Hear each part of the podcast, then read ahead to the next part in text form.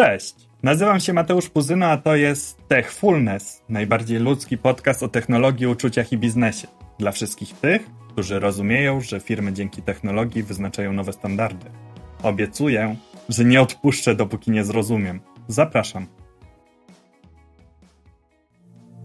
Przygotowując się do bitwy, zawsze orientowałem się, że plany są bezużyteczne, ale planowanie jest nieodzowne. Te słowa Eisenhowera będą naszym punktem wyjścia w rozmowie o roli planowania w biznesie. Z Michałem Kotem podyskutuję o intuicji, analizie danych, czarnych łabędziach oraz o tym, co bushcraft ma wspólnego ze scenariuszowaniem. Techfulness. Technologia, uczucia i biznes. Michał, mówi się, że trzeba mieć plan B. Chciałem z Tobą pogadać o tym planie C, D, a nawet E. Powiesz coś więcej o scenariuszowaniu? Tak, scenariuszowanie jest częścią w ogóle planowania strategicznego w biznesie. Trudno sobie wyobrazić funkcjonowanie w tak zmiennym świecie, jaki nas otacza, bez budowania pewnych scenariuszy, które wpisują się w strategię rozwoju przedsiębiorstw. Scenariuszowanie jest na pewno procesem. Jest procesem dochodzenia do pewnych wniosków, budowaniu i weryfikowaniu pewnych hipotez rynkowych, społecznych, gospodarczych i podejmowanie działań w oparciu o nie w taki sposób, aby być jak najbardziej przygotowany na różne warianty przyszłości. Myślę, że w scenariuszowaniu bardzo ważny jest motyw planowania. Eisenhower powiedział, że plany są bez sensu, ale sam proces planowania jest bezcenny. I coś w tym jest. Tak dokładnie wygląda scenariuszowanie. Nie daje gotowych odpowiedzi, jaka będzie przyszłość. To jest wróżenie. Dobry scenariusz to taki, który umożliwia organizacji czy przedsiębiorstwu elastyczne dopasowanie się do przyszłości. Tak naprawdę efektem działania scenariusza jest same jego przygotowanie i opracowanie, dlatego że pozwala przygotować się osobom, które generują takie scenariusze, bo często jest ich więcej, do uwzględnienia rzeczy czy faktów, które wcześniej w ogóle nie były brane pod uwagę. Czy ja dobrze rozumiem, że sam proces planowania, przygotowywania się daje olbrzymią wiedzę, która jest tą przewagą? Tak, w zasadzie tak ten proces uruchamia działanie różnych części organizacji. On z definicji podważa status quo. Zakłada niebazowanie na doświadczeniach albo niewyłączne bazowanie na doświadczeniach przeszłości. Taką naszą naturalną cechą jest to, że staramy, większość ludzi, staramy się wymyślać pewne scenariusze w oparciu o to, co nam podświadomie to robimy, w oparciu o to, co jest dla nas wygodne, co wydaje nam się, że łatwiej będzie ograć w przyszłości. Taką mamy cechę. Bazujemy na tym, co znamy. To, to dla nas poznawczo jest dużo łatwiejsze, ale mówisz, że to błąd. Może nie błąd, ale to nie wystarcza. Wiedza, analityka, czy silna analityka, analiza przeszłości jest czymś nieodzownym w procesie planowania czy budowania scenariuszy, ale nie może wyłącznie służyć do jego tworzenia, czy ich tworzenia. Bardzo ważnym elementem jest taki czynnik ogólnoludzki. My na to mówimy business acumen, czyli po prostu takie wyczucie, intuicja biznesu, ale również obserwacja pewnych trendów społecznych, zmian kulturowych, które pozornie w ogóle nie mają związku ze scenariuszem, który opracowujemy. Na myśl przychodzi mi przykład Ubera. Jeszcze parę lat temu oddałbym wszystkie pieniądze, że ludzie będą pili alkohol, będą zamawiali taksówki i będą wracali nimi do domu, w związku z czym zawód będzie czymś naturalnie występującym. Ale co się wydarzyło? Wydarzyło się dokładnie to, że powstaje jedna aplikacja, która wywala ten cały rynek do góry nogami. Dokładnie.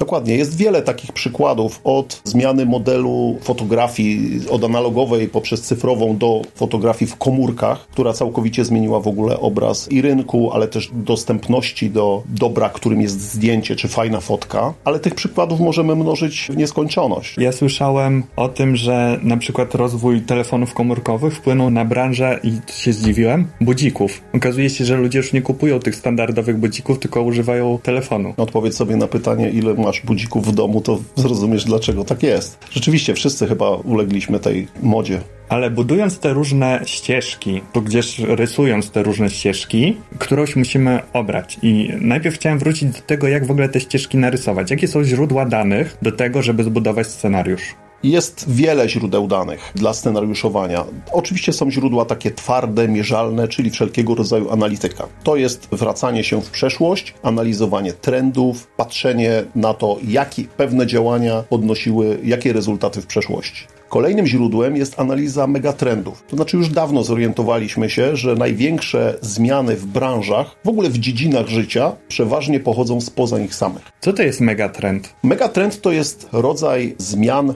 społecznych czy kulturowych, który jest mega, czyli jest wielki z tego tytułu, że wywiera wpływ na społeczeństwo w bardzo wielu sferach życia. Takim megatrendem na przykład jest e-mobilność, czyli sytuacja, w której to, co wydawało się jeszcze kilka lat temu niemożliwe, staje się faktem na naszych oczach. Czyli przechodzimy od silników, dziś mówimy to ładnie konwencjonalnych, czyli spalinowych, do silników elektrycznych. To zmienia całą infrastrukturę, począwszy od samego rynku tych samochodów, silników, innego wyposażenia, po infrastrukturę potrzebną do ich zasilenia czyli stacje ładujące, cała infrastruktura z tym związana, czy systemy nadzoru i aplikacje, które będą na pewno towarzyszyć tym rozwiązaniom w zarządzaniu, na przykład bukowaniu ładowarki na 200 kilometrze autostrady na drodze z punktu A do B. Powiedzieliśmy o tym, że ważna jest historia, czyli nasze dotychczasowe doświadczenia. Ważne są megatrendy. Co jeszcze jest ważne? Jedną z odpowiedzi na megatrendy jest polityka na przykład krajów Unii Europejskiej odnośnie ochrony klimatycznej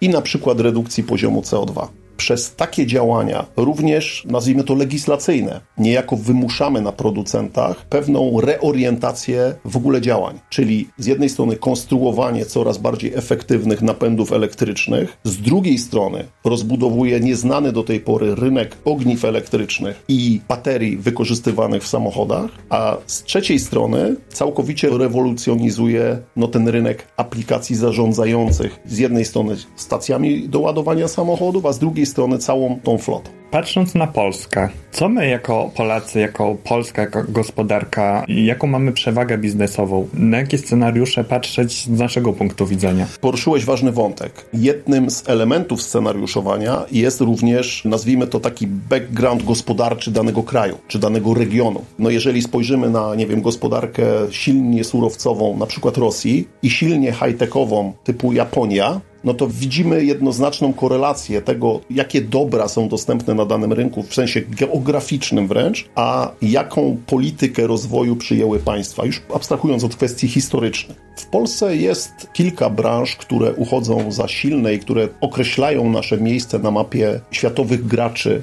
na przykład w przemyśle. Taką branżą na pewno jest branża automotive, czyli branża produkcji samochodów albo komponentów do tych samochodów, ale być może nie każdy o tym wie, to jest również branża meblarska, tak zwane wooden furniture, czyli produkcja drzewopochodna i meblarska, ale również produkcja okien. No i oczywiście, to myślę jest oczywiste, produkcja spożywcza. Jesteśmy jednym z większych europejskich producentów w branży spożywczej. Zastanawia mnie ta branża meblarska. Z czego to wynika, że my jesteśmy jako Polska silni w tej branży? To wynika pewnie z przyczyn historycznych, to znaczy po okresie zmian czy transformacji w latach 90. na polskim rynku został duży park maszynowy po zakładach no kiedyś prowadzonych oczywiście w sposób centralny, który został sprywatyzowany. Powstały nowe firmy typu Black Red White, Nowy Styl czy Vox, które zaopatrują większą część chyba rynku europejskiego. Doszło to do takiego poziomu, że Polska jest drugim światowym producentem, drugim po Chinach, producentem mebli. Czyli raz jeszcze wynika to troszeczkę z infrastruktury, trochę z tradycji i trochę z takiego kierunku transformacji, jaka wydarzyła się w Polsce w tych konkretnych latach 90. A przenosząc się do tego rynku samochodów, na czym Polsce może zależeć, biorąc pod uwagę to, co powiedziałeś, że te komponenty, Polska stoi tymi komponentami samochodów? Oczywiście w branży samochodowej sytuacja jest bardzo szczególna w Polsce. My nie jesteśmy największym producentem samochodów jako takich. Mamy cztery marki produkujące samochody, ale za to ponad 200 dużych fabryk produkujące komponenty do nich. I teraz w zależności od tego, jak potoczą się właśnie megatrendy, w jakim kierunku zmieni się przemysł samochodowy, jak my odbiorcy zadecydujemy, czy pójdziemy bardziej w elektrykę, czy jednak zostaniemy przy napędach konwencjonalnych, to ci producenci komponentów będą również wymagali dostosowania do tego rynku. To znaczy, będzie potrzebne, zakładam, mniej elementów dotyczących silników spalinowych, a więcej dotyczących na przykład baterii czy silników elektrycznych. Po prostu zmieni się trochę konstrukcja samego samochodu, przez co ilość komponentów i ich w ogóle rodzaj ulegnie zmianie. Co Michał Kot by doradził branży motoryzacyjnej? Już dzisiaj powinni się szykować na te nowe elektryczne samochody, czy jeszcze nie? Trudno mi doradzać branży samochodowej. Oczywiście myślę, że branża jest bardzo świadoma tych zmian wynikających z megatrendów i rzeczywiście jak obserwujemy, jak zmienia się rynek samochodowy, jak firmy się łączą poprzez fuzję, to widać, że u podstaw tych decyzji leży poszukiwanie optymalizacji kosztów po to, żeby zaoszczędzone środki inwestować w badania i rozwój napędów elektrycznych. Jeżeli spojrzymy na dwóch praktycznie kluczowych graczy na rynku europejskim, czyli na dawnego Fiata, który w pewnym momencie połączył się z Chryslerem amerykańskim, tworząc olbrzymią firmę, a z drugiej strony koncern Peugeot, czyli PSA, który wchłonął m.in. Opla, również utworzył olbrzymią firmę samochodową i teraz proszę sobie wyobrazić, że te dwa koncerny łączą się w coś, co się nazywa Stellantis, mając w swojej ofercie w zasadzie 40 marek samochodów. Takie decyzje są podejmowane właśnie po to, żeby z jednej strony wykorzystywać efekt standaryzacji elementów czy komponentów wykorzystywanych w tych samochodach, a z drugiej strony, żeby właśnie umiejętnie zarządzać badaniami i rozwojem, i tak alokować środki, żeby właśnie brylować na rynku, zakładam, elektromobilności. Bierzemy pod uwagę historię, megatrendy, bierzemy pod uwagę te akty prawne, normatywne, które nam towarzyszą, bierzemy pod uwagę specyfikę danej branży w tych wszystkich scenariuszach, a gdzie w tym wszystkim jest człowiek? Człowiek ma tutaj chyba rolę podstawową, dlatego że po pierwsze to my jako ludzie jesteśmy sprawcami takich, a nie innych megatrendów, a po drugie poprzez nasze zachowania czy sposoby konsumpcji, czy w zasadzie przez sposoby życia, to my determinujemy przebieg tych scenariuszy. Jeżeli sobie spojrzymy na kwestie, zostając przy samochodach, kwestie odpowiedzi na pytania, czy posiadać, czy używać, czyli czy car sharing, czy posiadanie samochodu. Co to jest car sharing? Car sharing to jest analogia rynku hulajnóg, które zalewają nasze miasta, tylko dotycząca samochodów. Czyli nie posiadam samochodu, ale jestem użytkownikiem samochodów z pewnej puli za pomocą aplikacji. Więc nie mam potrzeby w nowoczesnym mieście, coraz częstszy trend, posiadania samochodu jako takiego, tylko mam potrzebę przemieszczania się. W związku z tym ta gospodarka współdzielenia w przypadku samochodów to jest właśnie car sharing. A czynnik ludzki, te nasze kompetencje, umiejętności? To jest kluczowe, dlatego że kompetencje osób w ogóle w transformacji, w transformacji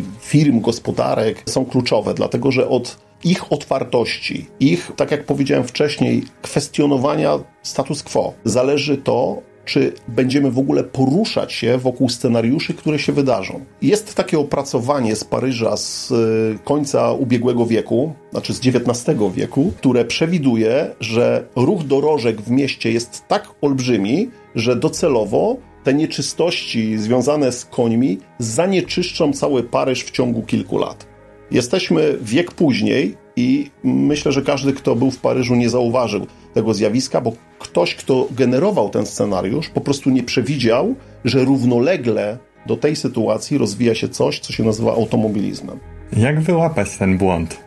Skąd będziemy wiedzieć, że nasz scenariusz nie zadziała? Tego nigdy nie będziemy wiedzieć. To nie jest wróżba, to jest pewien proces dochodzenia do wniosków. Oczywiście, patrząc tak metodologicznie, jest różnica między foresightem, czyli patrzeniem w długoletniej perspektywie w przyszłość i analizowaniem, jak będzie wyglądał świat za 10, 20, 50 lat, patrząc na demografię, patrząc na kwestie wojen, kwestii klimatu, bardzo szeroko, a czym innym jest tak zwany backcasting, czyli cofanie się od przyszłości do dzisiaj. To znaczy, my dosyć dobrze potrafimy analitycznie, przeanalizując wyniki, na przykład wyniki działalności firmy, przewidzieć scenariusz na przykład na jutro. No bo mamy forecast, ale zrobienie backcastu, czyli cofnięcie się, to jest próba odpowiedzenia sobie na pytanie, jaki scenariusz byłby dobry dla mojej firmy, dla mojej działalności za rok czy dwa i cofnięcie się wstecz, co musi się w międzyczasie wydarzyć, aby do tego doszło, i podpowiedzenie sobie na szczere pytanie, czy to w ogóle jest możliwe. Ciekawe. A ten słynny czarny łabędź, jak przewidzieć to nieprzewidziane w scenariuszach? chyba warto założyć, że czarne łabędzie będą się po prostu zdarzać i z tym w jakiś sposób żyć. Jesteśmy społeczeństwem WK. WK to akronim od słów angielskich zmienność, złożoność, czyli jesteśmy społeczeństwem bardzo złożonym, ale z drugiej strony niejednoznacznym i niepewnym.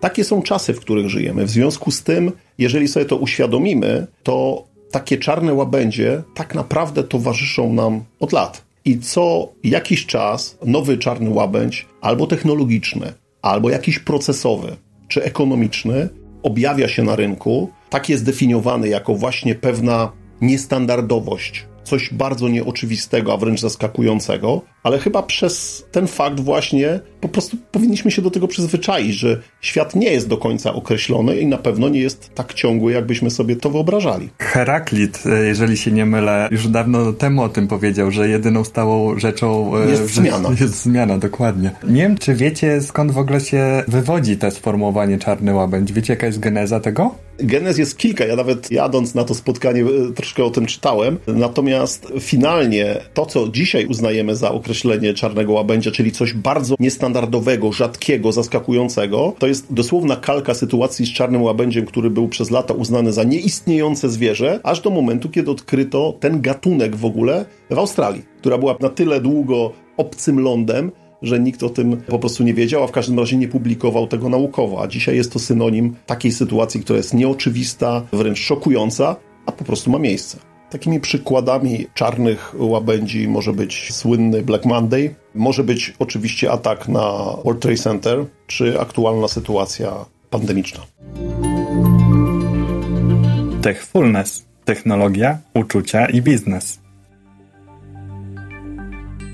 Nazywam się Mateusz Puzyno i chcę założyć startup. Od czego zacząć? Jakie scenariusze budować? Startup jest pewnym zjawiskiem, które w ogóle zrewolucjonizowało moim zdaniem gospodarkę czy ekonomię. I na pewno to, nad czym warto się zastanowić, to w czym będziesz unikalny. Siła startupów polega z jednej strony na ich zwinności, ale z drugiej strony na tym, że potrafią dostarczyć wartość, która jest unikalną dla rynku. Amerykanie mówią, że albo coś musi być unique, czyli unikalne, albo coś musi być cheap, czyli tanie. Jeżeli budujesz startup, przeważnie nie chcesz osadzać się na byciu najtańszym, bo od razu przegrywasz konkurencję z największymi tego świata. Więc szukasz przewag w unikalności. No ale jak znaleźć unikalność? No więc właśnie tu jedną z dróg jest próba scenariuszowania potrzeb konsumentów przyszłości i właśnie podważanie status quo składanie rzeczy ze sobą pozornie zupełnie niepowiązanych. Tak jak powiedziałeś, z jednej strony Uber, czyli substytut taksówki, a z drugiej strony jedzenie na wynos. To takie proste dzisiaj, ale sam pomysł jest dzisiaj wart miliardy. I właśnie do takich pomysłów, czy startupy z takimi pomysłami chyba wygrywają. Oczywiście do tego dochodzą również technologie, czy najnowsze technologie, które rewolucjonizują inne dziedziny gospodarki, które dostarczają startupy. Jak na przykład face recognizing, czyli rozpoznawanie twarzy, powszechnie wykorzystywane już teraz w algorytmach, nie tylko w cywilnych, ale również w przemyśle i szereg innych. Michał, chciałem Cię podpytać o Twoje doświadczenia biznesowe. Co Ty, mając już 20 plus lat doświadczeń w biznesie, możesz powiedzieć o scenariuszowaniu? Myślę, że moim podstawowym doświadczeniem jest taka konieczność ciągłej nauki i wyciągania wniosków. Do tej pory my robiliśmy to najlepiej jak potrafiliśmy, czyli robiliśmy silną analitykę i próbowaliśmy przewidywać scenariusze przyszłości w oparciu właśnie o liczby, o twarde dane. Z dzisiejszej perspektywy widać, że na pewno scenariuszowanie mogłoby okazać się skuteczniejsze, gdybyśmy uwzględnili właśnie ten element pewnej intuicji biznesowej, być może pewnych soft skillsów, czyli takich umiejętności miękkich osób, które dają wsad do scenariuszowania. I dlatego zdecydowaliśmy się w ogóle realizować proces scenariuszowania w firmie jako taką decyzję strategiczną, bardziej w sposób uporządkowany i sformalizowany, po to, żeby przy okazji robienia scenariuszy, opracowywania scenariuszy, nauczyć się scenariuszowania na przyszłość. Ale czy to się sprawdziło? W dużej mierze tak. Mamy sukces, mamy wyniki, ale jakkolwiek to zabrzmi, nie przewidzieliśmy sytuacji lockdownowej, myślę jak większość, ale szczerze mówiąc, również jesteśmy zaskoczeni boomem teraz. Oczywiście jesteśmy pozytywnie zaskoczeni, życzymy sobie go na przyszłość, ale to nie jest sytuacja, która była dla nas jeszcze pół roku temu oczywista. Teraz już ją potrafimy zinterpretować. Jesteśmy mądrzejsi od doświadczenia tego półrocza. Michał, chciałem Cię zapytać o Twoje emocje, które Ci towarzyszyło w styczniu tego roku, jak już wiedzieliśmy, że COVID jest czymś realnym i że trzeba działać. Bałeś się wtedy? Trudno mi powiedzieć, czy się bałem. Ja jestem gorącym fanem takiej książki pod tytułem Feel Your Fears and Do It Anyway, czyli jakby czuj swój strach, ale działaj mimo niego. I rzeczywiście ta sytuacja, z którą się zaczęliśmy konfrontować od stycznia, nie była mi dana do przeżycia nigdy wcześniej i myślę, że zaskoczyła nas wszystkich. Ale myślę, że strach nie był tutaj główną emocją, którą mi towarzyszył. Główną emocją to było takie poczucie w jakiś sposób odpowiedzialności za zespół, za biznes, to znaczy, jak ta sytuacja nowa, kompletnie mi nieznana wcześniej, będzie oddziaływać na zespół, na firmę, na biznes w ogóle w przyszłości. Powiedzmy sobie szczerze, że jak to się rozpoczęło, to my w ogóle nie mieliśmy poczucia, w jakim kierunku to pójdzie i kiedy się skończy. Tak, ja też w styczniu tego roku byłem w zaprzeczeniu i myślałem, że to zaraz minie. Tak, ja pamiętam, kiedy robiłem pierwsze spotkanie z zespołem już zdalne, kiedy nie mogliśmy się spotkać twarzą w twarz i ono było gdzieś w okolicach świąt Wielkiej Nocy. I ja pamiętam, jak większość uczestników spotkania, żegnając się, miało nadzieję, że spotkamy się po świętach. Nic podobnego się nie wydarzyło, jak wiemy. Przychodzi mi na myśl takie zdanie, że chcesz rozśmieszyć Boga, to powiedz mu o swoich planach. To prawda. A czy dzisiaj możesz powiedzieć, że Michał zrobiłeś kawał dobrej roboty po roku od tego czasu? Trudno mi samemu się oceniać, nie jest to w moim stylu, ale wydaje mi się, że chyba mamy powody do zadowolenia. Także gratuluję, Michał. Dziękuję. Techfulness. Technologia, uczucia i biznes. Michał, chciałem Cię trochę podpytać o to, co robisz prywatnie, o Bushcraft i jak scenariuszowanie sprawdza się w Bushcrafcie. Tak, rzeczywiście bardzo jakoś przypadł mi Bushcraft do gustu, zwłaszcza w ostatnim czasie. Jest to świetna dla mnie forma aktywności. Generalnie Bushcraft sam z siebie to jest takie rzemiosło leśne, tak tłumacząc to dosłownie, a tak naprawdę to jest forma przebywania z naturą, forma nocowania w lesie, już tak mówiąc bardzo obrazowo. A jaki to ma związek ze scenariuszowaniem? Chyba podstawowy. Oczywiście, jak idziesz spać do lasu na weekend, no to nie budujesz scenariuszy na dwa lata do przodu, ale to jest taki rodzaj aktywności, w której bardzo wiele zależy od ciebie. Jakkolwiek nie zależy od ciebie, jaka będzie pogoda, jakie będą warunki na miejscu, ale wyłącznie od ciebie zależy, jak się do tego przygotujesz. Znaczy, czy odrobisz pewne zadania, już tak mówiąc operacyjnie, ze scenariuszowania, czy zadasz sobie ten trud, żeby sprawdzić, jaka jest prognoza pogody w tym miejscu, w którym zamierzasz się udać, jakie tam ogólnie panują warunki, Jednym słowem, czy będziesz wiedział coś więcej niż tylko poddasz się przygodzie i po prostu niefrasobliwie pójdziesz do lasu ryzykując. Czyli nie polecasz mi, żebym tu i teraz szedł do lasu nocować? Myślę, że bez przygotowania nie. Dzięki Michał, że zgodziłeś się wpaść do naszego programu. Bardzo dziękuję również.